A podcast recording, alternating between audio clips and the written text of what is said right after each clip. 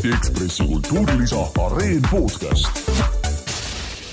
tere tulemast kuulama Areeni podcasti, mina olen saatejuht Peeter Kormašov ja mul on hea meel tervitada siin oma kolleegi Andrei Hvostovi, tere! tere! olen kutsunud sind rääkima Oppenheimeri filmist, Christopher Nolani meistriteos, mis ikka veel kinodes on üks vaadatavamaid filme, kuigi terve suve juba jooksnud. Ja üks põhjus, miks ma sind kutsusin, oli see, et äh, sina olid äh, selle filmi fänn pigem vist ja mina olen natuke võib-olla skeptilisem. jah, nii see on. mina olen tõesti fänn ja mind väga huvitab sinu skeptilisuse põhjus no äh, ma käisin seda vaatamas ühe sõbraga, kes on BFM-i lõpetanud ja temale kusjuures ka ei meeldinud ja vestlesime pärast seda filmi temaga, üks põhjus miks, äh, miks talle see võib-olla nii väga ei meeldinud, oli see, et äh, film oli liiga võib-olla kiiresti kokku lõigatud, mis on muidugi selline nalane stiil, on ju, et palju asju toimub järjest, aga et see oli natuke nagu pikk muusika, mitte muusikavideo, aga pikk treiler. ja kui ma seda toimetuses arutasin inimestega, siis nemad ütlesid, et kuidas sa võid nii öelda, et see on ju sajandi parim film ei, muuseas selle kohaga sinu kriitikas ma täiesti nõustun. mul oli ka kusagil noh, filmi esimene kolmandik mul oli väga raske vaadata, sellepärast et ükski stseen ei olnud minu meelest pikem kui kolm sekundit. et see oli jaa, selline visuaal, mis meenutas väga omaaegset seda MTV neid äh, video, videolõike, kus kõik käis hästi kiirelt, kogu aeg midagi sähvis su ees ja siis oli kuidagi noh, nagu võimatu, võimatu oli süveneda, nii et ma hakkasin seal filmi esimesel kolmandikul, hakkasin väga-väga kaurismägid äh, taga ihkama. et selliseid pikki-pikki, võib-olla viis minutit kestvaid äh, kaadreid, et et saaks süveneda, aga jah, seda Nolan meile ei paku jah, see on, ma ütleks, et see on miinus, aga ma praegu tooksin välja, et see on ka ainus miinus. Jah, äh, äh, võib-olla küll, aga minu jaoks teine miinus oli ka palju neid süžeeliine, äh, palju tegelasi, keda sa pead jälgima, mis, ma lugesin Andrei Liimetsa arvustust sellele päevale, see tema ütles, et see on ka ühtlasi pluss, et see näitab kogu selle maailma keerukust, et kuidas kuidas käis tuumapommi ehitamine ja mis seal täpselt toimus. olen nõus, aga minu jaoks just jah, see liiga kiire montaaž ja samamoodi liiga palju tegelasi muutis võimatuks nagu vahepeal selle põhiloo jälgimise, ja teisest küljest jah, see, see kuidagi jah, siis ta lagunes koost natuke minu jaoks, et ma ei suutnud jälgida jällegi, jällegi olen sinuga sunnitud nõustuma, et kindlasti selle filmi vaatamisel tuleb kasuks see, kui kinno minev inimene on teinud ära oma koduse töö, läinud internetti, lugenud midagi sellest, sellest Manhattani omaaegsest projektist, aatompommi loomisest, on lugenud eh, filmis esinevate tegelaste, reaalsete tegelaste biograafiaid, et see kindlasti tuleks, tuleks kasuks. sinul oli kodutöö tehtud? Tunnistan ausalt, et ei olnud, nii et äh, ma tegin pärast. Aga see sellest hoolimata, et no ma muidu saan muidugi toetada oma ajaloolase haridusele, mille ma sain Tartu Ülikoolist, nii et äh, päris, päris nagu tundmatu maa see kõik ei olnud, mida ma seal nägin, et see ikkagi seostus mingisuguste ajalooliste faktidega, mis on minu peast talletunud jah, ma hakkasin ka, muide, tuleb meelde selle eelmise jutuga veel, et kaurismägiti igatsema ja sellist äh, põhjamaist äh, aeglust, aga samas selle põneviku ma ei tea, kerimisena töötas see jällegi hästi, et, et see aatomipommi stseen näiteks seal, kui nad seda katsetasid Los Alamose kõrbes, oli ju suurepärane. aga tead, nüüd kasu, asume nüüd asja juurde. et, et sellel filmil on, ütleme, kaks tasandit. üks on, üks on nüüd see ajalooline tasand, et noh, väidetavasti Oppenheimeri elusündmusi on, seal on edasi antud niivõrd suure tõetruudusega, et seda võiks isegi vaadata nagu dokumentaalfilmi. jah. aga sellel filmil on kahtlemata ka mingisugune Äh, müütiline tase. Prometheus. Prometheus just nimelt ja, ja noh, kuna selle legendiga on üldiselt kõik inimesed enam-vähem tuttavad, mööndusega noh, kõik. no kellel on midagigi meeles kooliharidusest või siis kes on, kes on pärast selle, selle teemaga kuidagi kokku puutunud, mida tähendab olla Prometheus, et äh, ütleme, see müütiline tasand, et see oli ju täiesti hoomatav ja täiesti jälgitav. ja miks on selle filmi alapealkiri American Prometheus, Ameerika Prometheus, et see on täitsa selline omaette mõtlemise koht.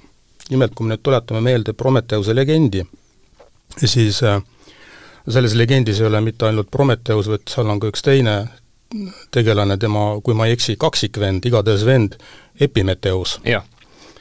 ja siis legendi kohaselt äh, Prometheusele ja Epimetheusele anti ülesanne kõrgemate jumalate poolt mm, äh, loomariigi esindajatele jagada siis mingisuguseid omadusi või või, või noh, hüvesid.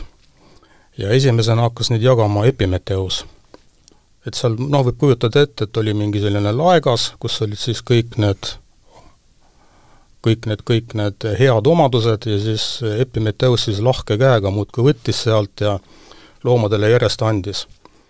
kellele andis ilu, kellele jõu, kellele kiiruse, kellele vastupidavuse ja nii edasi ja nii edasi ja nii edasi. nii et siis, kui jõudis see, see hüvede jagamise hetk Prometheuse kätte ja tema pidi inimese eest hoolitsema, siis selgus, et see laegas on tühi. et Epimetheus oli kõik laiali jaganud. ja Prometheus, noh, legend ütleb, et siis, et in-, inimene, kes oli kõigest heast ja tugevast ja ilusast ilma jäetud, et siis Prometheus andis talle tule. aga legendi teine variant ütleb, et, et Prometheus andis inimesele, inimloomale võime ette mõelda, võime mõelda sellele, millised on tema tegude tagajärjed, ehk siis see, mis on, nimetatakse keerulise ladinakeelse sõnaga kasuaalne nexus, ehk siis põhjus-tagajärg seos. mis tegelikult ongi üks selline mõtlemisprotsess, et kui ma teen midagi niisugust, siis selle tagajärjed võivad olla niisugused ja niisugused. et see on, noh, see on tõesti inimloomale omane ja teistele loomadele ilmselt mitte nii väga. nii et äh, nii et Prometheus ja kui me hakkame nüüd neid nimesid dešifreerima, siis Prometheus, see ongi, see ongi ettemõtleja ja Epimetheus on tagantjärele mõtleja. et siin on juba nimed, nimed juba on sellised kõnekad. nii et kui me räägime Oppenheimerist kui Ameerika Prometheusist, siis aatomipommi loojana ta üldiselt sai aru, mis asja, mis asja ta on loonud, mis on need ohud maailmale tulevikus. hiljem, kui me räägime tuumasõjast, siis sellest võib-olla natuke pikemalt, aga aga see on üks selline filmi, filmi kandev, kandev liin, et Oppenheimer on kuidagi nagu oma, oma selles keskkonnas, seal on poliitikud, aga seal on ka paljud teadlased, et ta on justkui ainus, kes saab aru, millise džinni ta on pudelist välja lasknud ja selle tõttu noh, filmi teine pool näitabki, kuidas Oppenheimer on asunud äh, kusagile rahuliikumise ridadesse, igatahes ta nõuab tuumarelva keelustamist või vähemalt selle rahvusvahelise kontrolli alla võtmist ja, ja noh, kõik, kõik need muud tegevused. ühesõnaga, me näemegi inimest, kes äh, mõistab oma tegude tagajärgi ja selles mõttes on ta tõesti Prometheus. no muidugi Prometheuse see, see legend, mis on äh, legendi see liin, kus ta Prometheus varastab olümpuse jumalatelt tule ja viib selle inimesteni, et, et, et, et noh, see tuleb nagu esimese mõttena pähe, et noh, aatompomm kui jumalik tuli. aga ma ütlen, et see, see teine liin, millest ma praegu rääkisin, et see on võib-olla selle, selle filmi mõistmisel siiski olulisem. et ta mõistab oma tegude tagajärgi? just nimelt, just nimelt selles mõttes jah, Prometheus, nagu see nimigi ütleb, et noh, oma, oma, oma tegudest arusaaja ettemõtleja selles mõttes. sest et sellest filmist tuleb ka niimoodi välja, et, et et et Oppenheimeril on ju kui me nüüd räägime natuke sellest ajaloolisest taustast, et tal on seal kõhklusi tuumarelva, tuumarelva väljatöötamisel, sellepärast et et no seal on ka üks selline, selline, selline kahekõne tal äh, Taani tuumafüüsiku Niels Bohriga, kus Bohr ütleb, keeldub, keeldub selles Manhattani projektis osalemast, et tema ei taha tuuma, tuumapommi väljatöötamisel osaleda, Bohr ütleb, et inimkond lihtsalt ei ole veel vaimselt nii kaugele arenenud, ta pole nii küps, et ta võiks sellist relva omada. ja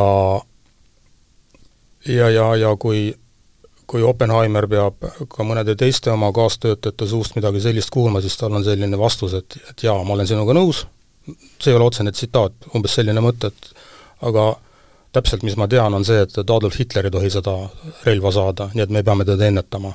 et ma saan aru küll sellest ohust, et inimkond ei ole küps, aga kus me pääseme? sellepärast, sellepärast et kui natsid saavad selle pommi, siis noh, et no siis on kõik pekkis.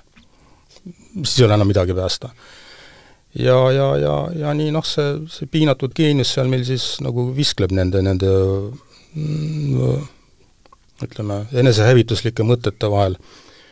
nii et äh, mingil määral, kui nüüd rääkida jälle mü-, müütilisest äh, sellest kihistusest, siis võib öelda ka, et see film on äh, doktor Frankensteinist ja tema loodud koletisest. ja antud juhul koletis ongi siis see tuumarelv, mille Frankenstein loob, ja nii nagu Mary Shelley, Mary Shelley romaanis Frankensteini koletisest, et loodu lõpuks võtab võimu looja üle, siis nii ka selles filmis. et lõppude lõpuks tuumarelv, mille on Oppenheimer välja töötanud, et niipea, kui see pomm valmis saab, siis eh, kohe Oppenheimeril kaob igasugune kontroll oma loodu üle. see on hästi ilmekalt toodud filmi väl-, filmis välja selles kohas, kus eh, Los Alamose laboratooriumist sõidavad välja kaks sõjaväe veoautot, mõlemi kastis on aatompomm ja on juba teada, et, nüüd need pommid viiakse USA lennuväebaasi ja siis pärast seda järgneb tuumarünnak kahele Jaapani linnale. ja Oppenheimer on siis enda arv-, enda arvates kokku leppinud Manhattani projekti, ütleme, sõjalise juhiga, sõjalise juhiga, kelle, kelleks oli kindral Leslie Groves. jah, Matt Damon mängis Matt filmis. Damon mängib seda jah, väga veenvalt et ta on siis kindral Grousiga kokku leppinud, et, et noh, et an-, annate mulle kohe teada, et mis sihtmärgid on välja, välja valitud ja et hoiate mind sellega kursis. aga mitte midagi sellist ei juhtu, Oppenheimer saab täpselt samamoodi nagu miljonid tema kaasamaalased, saab teada raadio, raadiouudistest, et äh, toimus, toimus Hiroshima tuumapommitamine. keegi temaga enam mingisugust informatsiooni ei jaga, keegi tema arvamust ei küsi, kuidas seda relva kasutada, kas üldse kasutada, nii et äh, tema loodud pomm, ehk see koletis, Frankensteini koletis on väljunud tema kontrolli alt. ja on veel üks kihistus ju. see on nüüd Mozart ja Salieri mm,. Yeah. nimelt filmi teine pool, et kui me siin rääkisime alguses, et mis meid selles filmis häirib, et, et noh, et selline väga suur fragmentaarsus või selline kiire kaadrite vahelduvus filmi, äkki isegi keskpaigani siis ma mäletan täpselt, et filmi keskpaigas ma korraga kuidagi nagu rahunesin maha, mind, mind see see kiire kaadrite vahelduvus enam ei häirinud ja siis ma sain korraga aru, et et noh, see, see film on muutunud ja nimelt kui meil alguses oli selline no ma ei tea, tuumafüüsikute triller omamoodi, siis filmi teine pool on kohtudraama.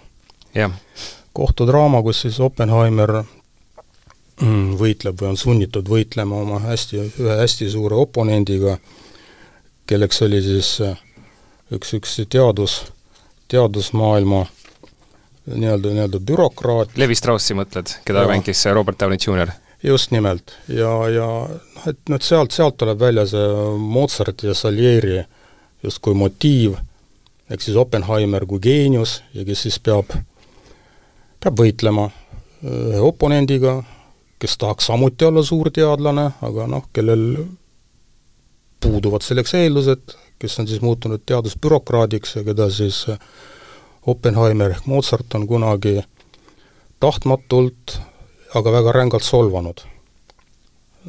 ise no, seda mäletamata kusjuures? ise seda mäletamata ja kui nüüd Mozart ja Salieri seda motiivi meelde tuletada, siis Mozart ka pidevalt Salierit solvas, ilma et oleks üldse sellest aru saanud. et see, see kõik, mis ta Salieri suhtes noh, nagu ma ei tea, need, need hinnangud või mingisugused lausungid, et need võivad äh, muuta Salieri tema, tema vihavaenlaseks elu lõpuni.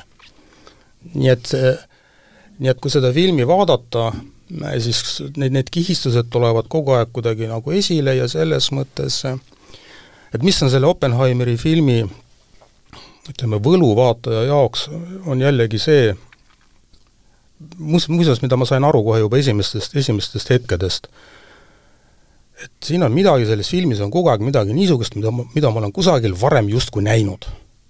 et see ei tule mulle täieliku üllatusena. ja kui nüüd mõtlema hakata, et nüüd tagantjärele analüüsides, et kustkohast mul vist selline tunne üldse tekkis, et, et ma olen seda kõike juba kusagil näinud, siis mul on tunne, et, et Nolan teadlikult kasutab äh, mingeid selliseid võtteid, mis on varasemates filmides, kuulsates filmides noh, kasutamist leidnud ja mis on näidanud, et need töötavad et näiteks, kui te tuletate meelde selles filmis koha, kus mm, äh, kus Oppenheimer siseneb, siseneb siis kusagile suurde, suurde ruumi, kus istuvad äh, kõik Manhattani projektis osalejad ja siis nad vaimustunult skandeerivad midagi. Nad mitte ainult skandeerivad, nad ka trambivad jalaga takti niimoodi. see noh, selline tump, tump, tump, tump, tump, tump. jah. See tuli mulle hästi tuttav ette ja pärast natukest, natukest pingutamist mul tuli, tuli meelde, et on üks äh, väga hea film äh, kantrimuusikust Johnny Cashist. jaa, kusjuures tõesti, ma ei mõelnud selle peale siis, aga jah, see on ja täpselt Johnny, see. Johnny Cashi puhul on see, et tema kohtub vanglas oma fännidega ja siis, kui Cash peab minema sinna lava peale, ta kõhkleb, ta, ta meenutab oma minevikku, publik ootab ja siis see kannatamatu publik skandeerib. ja täpselt samamoodi, siis trambitakse jalaga vastu, vastu seda vastu põrandat, vastu poodiumit, heline efekt on täpselt seesama. ja, ja siis, siis mu mõte hakkas aina üha, üha enam ja enam lippama ja siis ma korraga mõtlesin, et aga miks, miks on Oppenheimeri tegelaskuju nii David Bowie moodi. ja hiljem, hiljem, kui ma siis tegin kodutööd tagantjärele, siis nagu selgus, et et Nolan vist olevatki äh, saatnud, ma ei tea, kas siin peab konditsionaali kasutama või ta tõesti saatis, siis äh, äh,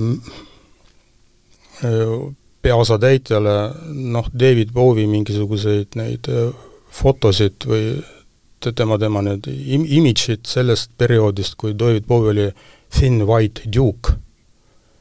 ja see, see tegelane Thin White Duke, kui te nüüd tuletate meelde, kuidas ta välja nägi, sest visuaal on minu meelest hämmastavalt sarnane sellega, kuidas Oppenheimer välja näeb selles filmis.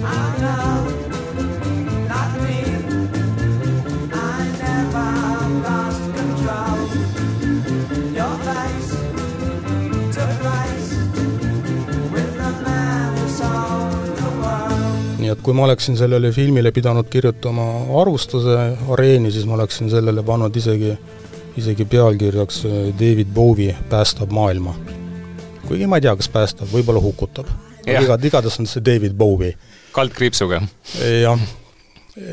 noh, et sellised, sellised kihistused, ma arvan, et, et Nolan pani nad sinna kõik sisse mitte kuidagi juhuslikult, vaid täiesti teadlikult ja ja filmi vaatamisel, isegi kui te ei tea seda ajaloolist tausta, siis see kõik on kindlasti abiks ja see muudab selle filmi noh, vägagi, vägagi vaadatavaks ka inimesele, kes ajalooga nüüd nii väga kodus ei ole.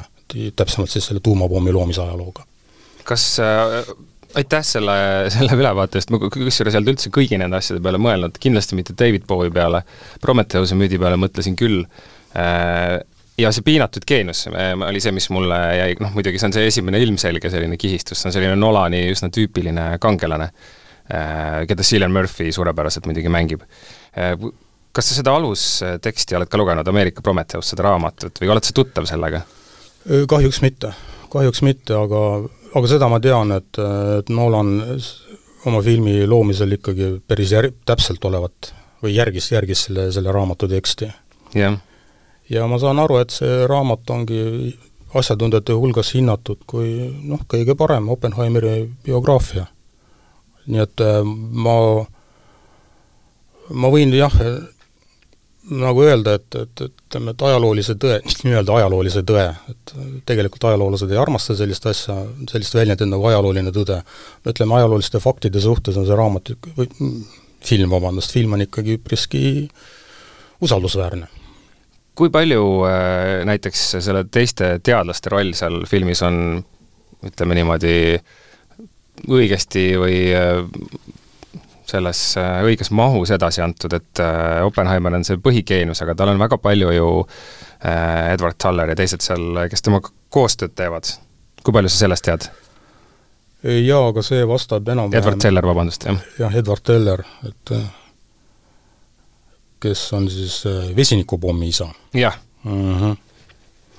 jaa, see konflikt, mis tal oli Oppenheimeriga, just nimelt, et Oppenheimer kui Prometheus, kes sai aru, millise õnnetuse, õnnetuse ta maailma lahti päästab, luues aatompommi, et ta oli algusest peale vastu oma kolleegi tuumafüüsik Telleri plaanil hakata kohe tegelema ka vesinikupommiga, mis on teatavasti no nagu kordades võimsam kui atompomm. et selle, selle, selle loomise vastu ta oli, tuues välja seal kõiksugu selliseid äh, teaduslikke, teaduslikke põhjendusi, et, et noh, et see on võimatu ja, ja, ja pär-, pärast, pärast kui asja uurimisel, pärast kui Oppenheimer oli juba sattunud põlu alla või ütleme, Ameerika institutsioonide, võimuinstitutsioonide kahtluse alla kui mingisugune kahjur või ma ei tea, kommunistidele kaasatöötaja, siis seda pandi talle süüks, et näed, torpedeerisid vesinikupommi väljatöötamist aga jah, et Oppenheimer sai aru, et, et aitab sellest, aitab juba sellest, et on olemas tuumapomm, et sinna juurde veel vesinikupomm luua, et noh, et et see on juba too much. et ta töötas sellele vastu ja jah, ja see ongi tegelikult ajalooline fakt, et äh, vesinikupommiks ristitud, vesinikupommi isaks ristitud teller mm,, kes siis, see on ka ajalooline fakt ilmselt, et kui ta kui Oppenheimer siis nüüd seal sattus Ameerika võimude mm, uurimise alla oma võimalikes kommunistlikes sümpaatiates ja Teller andis tema vastu, uurimiskomisjoni ees andis tema vastu tunnistusi, siis äh, Telleri enda jaoks see ei jäänud tagajärgedeta, et Ameerika teadusmaailm ehk siis tuumafüüsikute seltskond hakkas teda pärast seda noh, nagu ignoreerima või ta heideti justkui seltskonnast välja tema, tema, tema välja sirutatud kätt enam vastu ei võetud, et seda, seda, seda suruda. et ühesõnaga ta muutus omamoodi paariaks. ta oli vist üsna keeruline isiksus ka, nii palju, kui ma olen lugenud tema kohta, nagu jah, konfliktne no, selline. jah, aga kui me seda filmi vaatame ja küllap see on ka nii-öelda ajalooline tõde, ega seal ei olegi ühtegi lihtsat inimest, no kogu see seltskond on väga keeruline et seal on jällegi, me näeme seda filmi teises pooles, kus see muutub kohtudraamaks, kui kui jällegi kindral, kindral Groves on ehk siis Matt Damon on kutsutud ka sinna komisjoni ette, tema käest küsitakse, et kas nüüd, see ilmselt toimub kunagi kas viiekümne kolmandal, viiekümne neljandal aastal, et kas nüüd, tänasel ajal ja hetkel, kui te, teil oleks Oppenheimeri toimik ees, kui te teaksite, mis on tema background, et kas te siis oleksite ta üldse kaasanud Manhattani, Manhattani projekti ja kindral ütleb ei ning lisab samas, aga ma poleks ka ühtegi teist teadlast sinna vastu võtnud. No samadel põhjustel, et keegi neist selles mõttes nagu riigivõimu nagu okulaaride läbi vaadates, keegi neist pole usaldusväärne. kõik on ikka väga kummalised sellised noh, veidrikud, heal juhul, halvemal juhul poolkommunistid, täiskommunistid, jumal teab, kes kõik veel. aga sellest kommunismist äh, võikski järgmiseks natuke rääkida, sest tegelikult äh, USA-s ju sellel ajal ja ka hiljem, külma sõja ajal, see jaht nendele kommunistidele äh, käis pidevalt ja, ja sellega sai nagu kergesti oma vastaseid saboteerida, poliitilisi vastaseid näiteks, et mis see, mis see taust oli toona?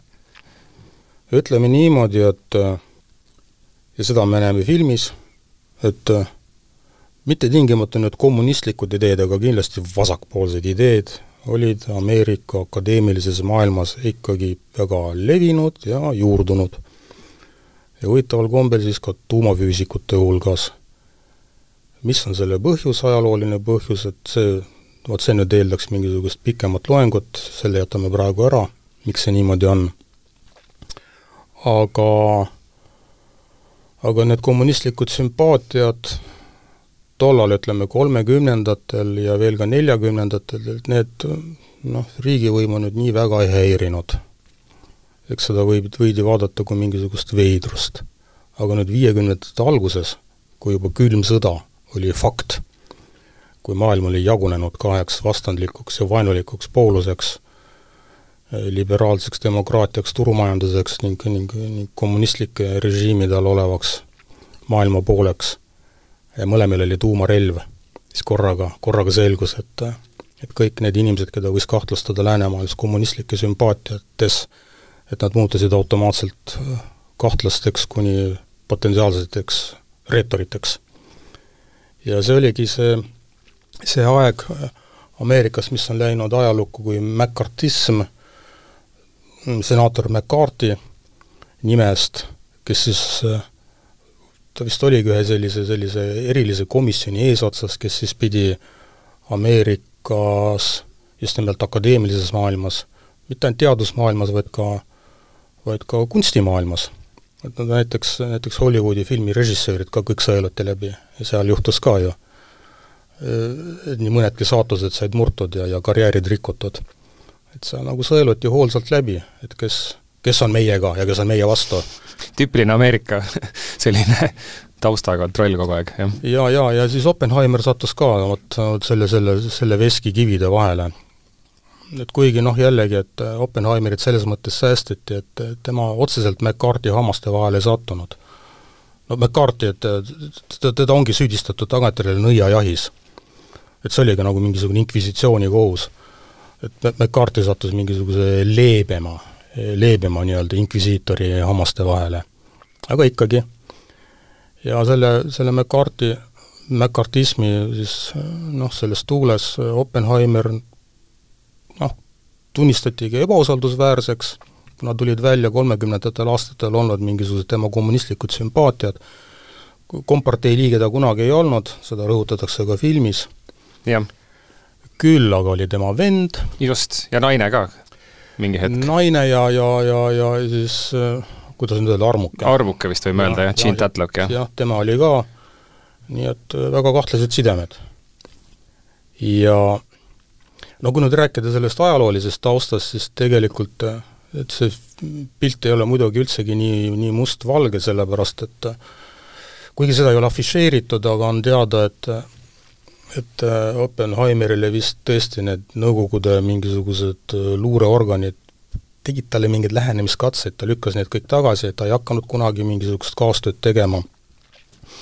ja enamgi veel, et Oppenheimer, mida filmis ei näe, aga ta olevat Manhattani projektis osalenud teadlased, kelle suhtes tal endal oli kas selline tõsine kahtlus või veendumus, et need, need on kommunistid, et ta nad kõrvaldas vaikselt eh, projektist, mitte tuues eh, esile neid, neid, neid mingisuguseid poliitilisi põhjusi, noh, kuidagi lihtsalt teaduslik, et äh, projekt ei vaja neid, et nad eemaldati Manhattani projektist ja nende teadlaste toimik jäi selles mõttes noh, ütleme nagu, nagu rikkumata, et sinna ei tulnud kusagile mingisuguse rea peale kommunistlikud sümpaatiad. et ei. Et selles mõttes Oppenheimer kõrvaldas need inimesed, aga ta jättis neile võimaluse edaspidi teadlastena siiski karjääri teha ja mitte muutuda paariateks, et olla siis Ameerika ühiskonna täisväärtuslikud liikmed. et, et nagu kuidagi nagu puhastas oma ridasid, tehes seda säästlikult. aga see on see, mida me filmis ei näe. nii et nii et kui me siin noh, kurdame, et, et film on kuidagi väga palju infot sisaldav ja kohutavalt palju tegelasi ja, ja see kõik on keeruline jälgida, siis teate, tegelikkus oli veel keerulisem. nii et, et nii et film on selles mõttes noh, et veel selline, ütleme, konspekt kokku võetud sellest väga-väga keerulisest tegelikkusest jah, sest äh, no tõesti, väga palju asju, mis selleni viisid, ähm, ähm, korra, kui me filmi juurde tulime tagasi sealt ajaloost, äh, siis äh, minu meelest üks kõhedamaid stseene on ikkagi see, kus otsustatakse, et tuumapomm tuleb heita Nagasakile, Hiroshimale, sest et see päästab veel suuremast inimohvrite arvust. ja see on siis see argument, mida kasutatakse, see on üsna kohutav. jah ma ei tea, seda, seda vaadates tuleb jah, kõik see, kõik see reaalpoliitik, vot see, see mõiste ja sellega seotud noh, nagu nüüd kohutav selline külm kalkuleerimine tulevad kohe ette.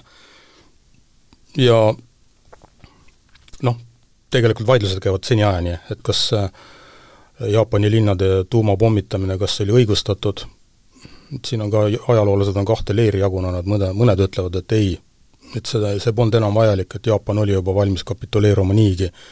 Ja teised ütlevad, et mitte mingil juhul ei olnud ta valmis kapituleeruma, et selline reaalne võitlus Jaapani saarte pärast oleks ameeriklaste, ameeriklaste jaoks tähendanud kohutavaid inimohvreid. nii et, nii et siin on natukene jah, see lugu keerulisem, erinevalt Dresdeni linna pommitamisest Teise maailmasõja lõpus, vähemalt eks ole Euroopas, Dresdeni linna hävitamine mis kindlasti ei olnud mitte kuidagimoodi õigustatud. aga noh, see selleks on ka täiesti omaette teema. Okei okay., kas sul on mingi seisukoht sellesse äh, tuumapommi kasutamises või mida, mis, äh, mis variandid seal äh, nagu sinu meelest olid ameeriklastel? tead, ega film, film on selles mõttes ka ju väga huvitav, et noh, et seda, see otsus Ameerika poolelt ei võeta vastu kohe niimoodi priuh-prauh, vaid seal ikkagi käib eelnev arutelu ja siis üks selline võimalik optsioon on see, et, et me ei ei heida pommi linnade peale, vaid mõne asustamata saare peale näiteks, eelnevalt teatame jaapanlasi, et me nüüd teile demonstreerime, mis meil on, mis relv meil on, et tulge ja vaadake. no palju humaansem variant ju. jah, et, et, et, et seal on üks selline asustamata saar, nüüd ma ei tea, sõjalaevade pealt pange vaatlejad sinna ja siis me teile näitame, kus see pauk käib. et meil on nüüd selline relv ja nüüd on teie, edasi teie otsustada. et selline asi oli täitsa laua peal, selline arutelu.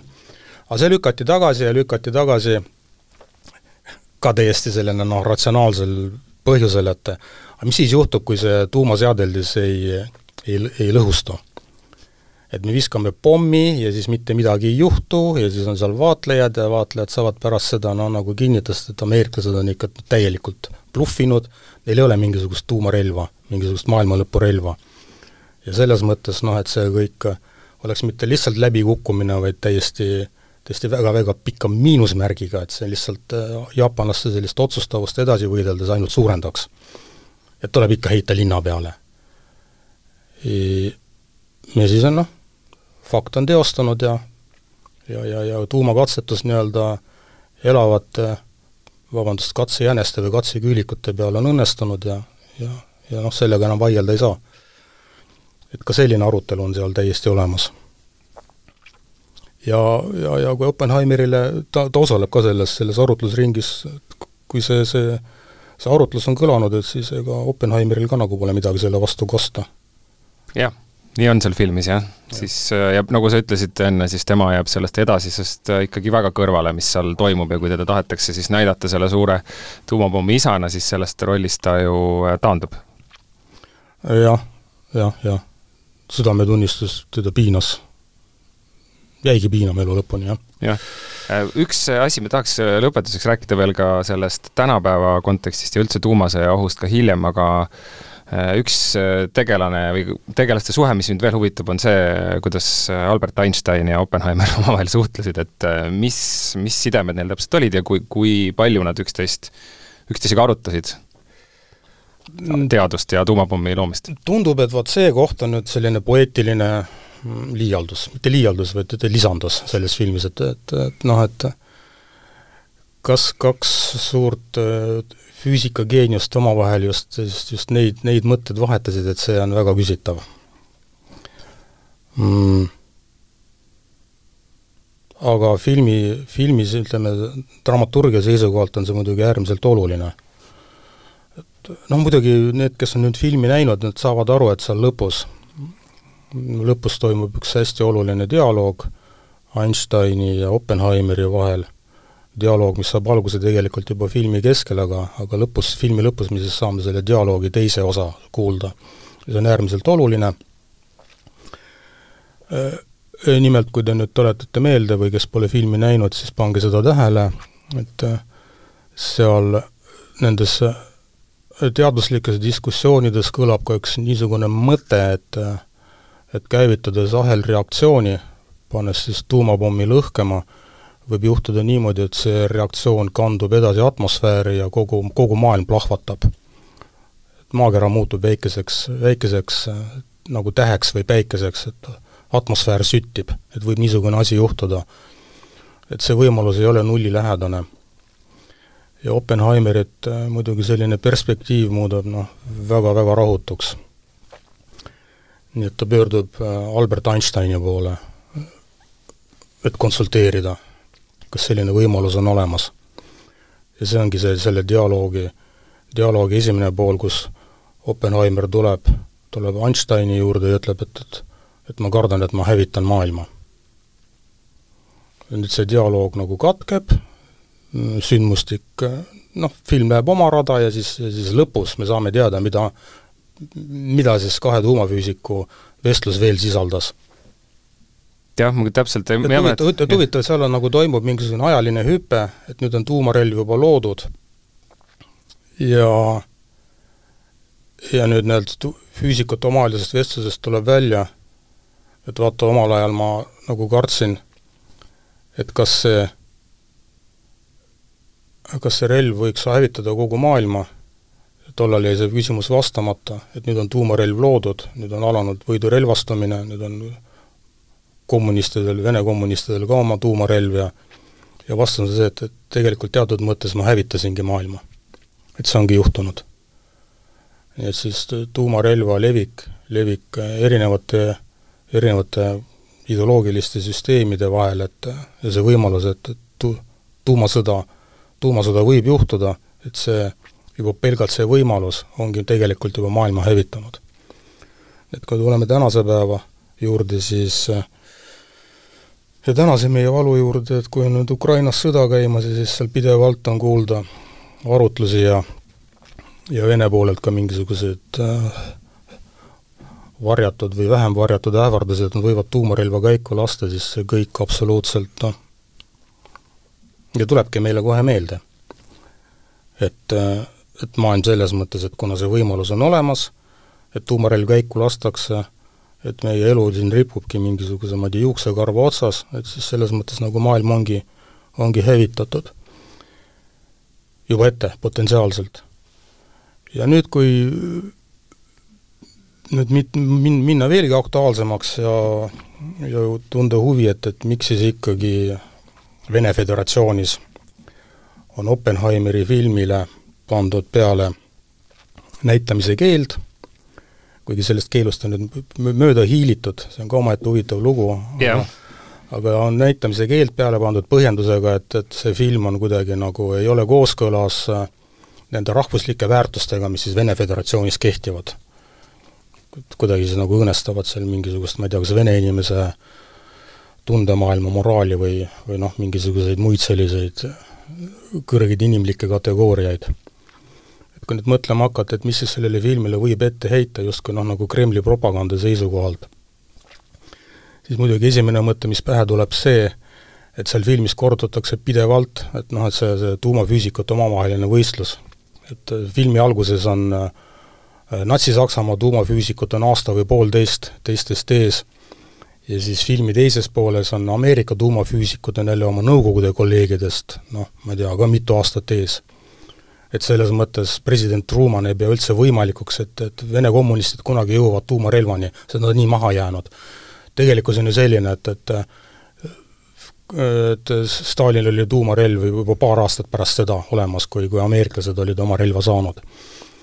ja see kõik oligi seotud sellega, et, et Ameerika tuumafüüsikute hulgas oli üks äh, Nõukogude agent, üks Briti päritolu tuumafüüsik, kes andis selle teabe sinna edasi äh, venelastele ja selle tõttu venelased jõudsidki oma tuumarelvani noh, selle varastatud informatsioonile toetudes hästi kiiresti. mis siis ametliku Nõukogude versiooniga kuidagi nagu kokku ei lähe, sellepärast et Nõukogude versioon on selline, et oli venelastel endil akadeemik Kurtšatov, geniaalne tuumafüüsik, kes siis noh, nagu jah, ise jõudis siis selle, nende, nende, nende teaduslike lahendusteni ja Vene tuumapomm on ikkagi omaenda isiklik know-how venelastel alati jah, muidugi kõik asjad on nende leiutatud, neil on alati olemas no just nimelt, ja kui nüüd film näitab seda, et ei, ei, kallid sõbrad, et panite selle lihtsalt pihta sealt ameeriklastelt, siis noh, see ei pruugi nagu just nimelt praegu Venemaal kehtivate nende mingisuguste nii-öelda nende rahvuslike väärtustega nagu eriti kokku kõlksuda. aga teine asi, mis, mis võib ka selle filmi juures no nagu Vene propaganda seisukohalt olla taunimisväärne, on see, et, et lihtsalt tuuakse esile, et, et tuumarelva kasutamine tähendabki seda, et, et inimkond hukkub ja nüüd see paraku on nüüd täpselt see punkt, mis tänasel Venemaal on nagu kuulutatud äh, mittekehtivaks, et tuumasõjas siiski võib võita, tuumarelva kasutamine on teatud tingimustel õigustatud, seda peabki tegema, see Vene propaganda pasundab sellest võimalusest, et nad võivad virutada tuumarelva ka ukrainlaste pihta, aga võib-olla ka mõne NATO riigi pihta, Poola pihta näiteks, et kuidagi nagu sellest räägitakse kuidagi hästi, hästi niimoodi no nagu, nagu lihtsalt ja niimoodi nagu muuseas või noh, et, et, et selline, selline võimalus on laua peal. mis külma sõja ajal oli täiesti nagu välistatud, et keegi oleks üldse midagi niisugust rääkinud. Nõukogude ajal elanud inimesena ma mäletan, et see oli absoluutne tabu, rääkida sellest, et, et me võiksime tuumarelva kusagil kellegi vastu kasutada. aga tänases Vene Föderatsioonis, et noh, sellest kuidagi räägitakse hästi, hästi lõdvalt lõdva lõuaga nii-öelda. ja just need propagandistid oma saadetes jah, nagu niisama õhtuse, ma ei tea, ajaveetmise kõrvale? jaa, nii see on jah, jah, ja see film Oppenheimerist, et nagu sellele mõttekäigule töötab ikka väga selgelt vastu äh, muide, kas Venemaal, sa mainisid, eks ju, seda Oppenheimeri ja üldse lääne filmide näitamist, seal ju tehakse niimoodi, et algab näiteks kinos äh, vene film ja siis mingi hetk ütleme, viieteist minuti pärast pannakse siis käima ikkagi lääne film, olgu see siis Barbi või Oppenheimer, et kuskil need ikkagi näidatakse, ma olen kuulnud? jaa, või ei, see, ma olen kuulnud, et seal on isegi veel kavalam süsteem, et, et kinoseanss koosneb jah, tõsi, kahest osast, ütleme, et on põhifilm, mis kestab näiteks kaks tundi ja selle põhifilmi järel on mingisugune lühikese, lühikese mõõtme, mõõtmeline film, noh, mis kestab näiteks kakskümmend minutit ametlikult pileti peale on märgitud, et minnakse vaatama seda kahekümneminutilist filmi. et see on see, mida sa vaatama lähed. mitte seda eelnevat filmi, epopead, näiteks, näiteks jah, Oppenheimerit.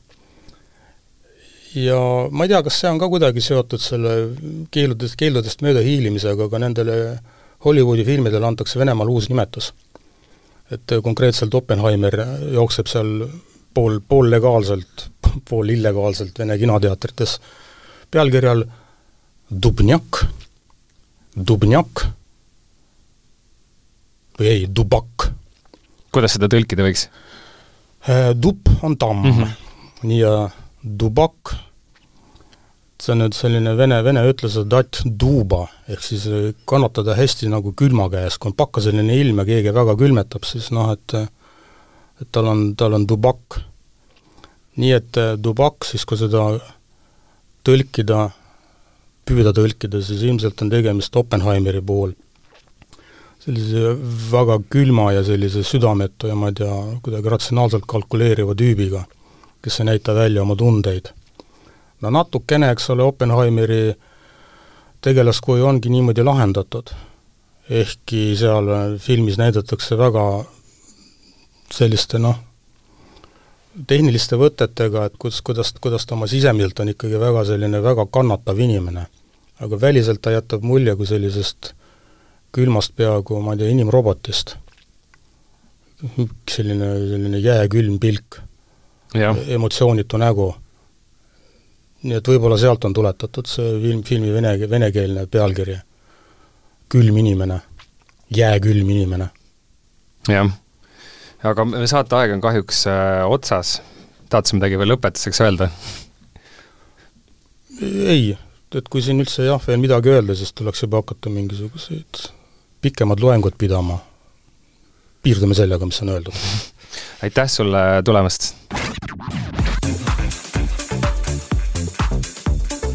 Eesti Ekspressi kultuurilisa Areen podcast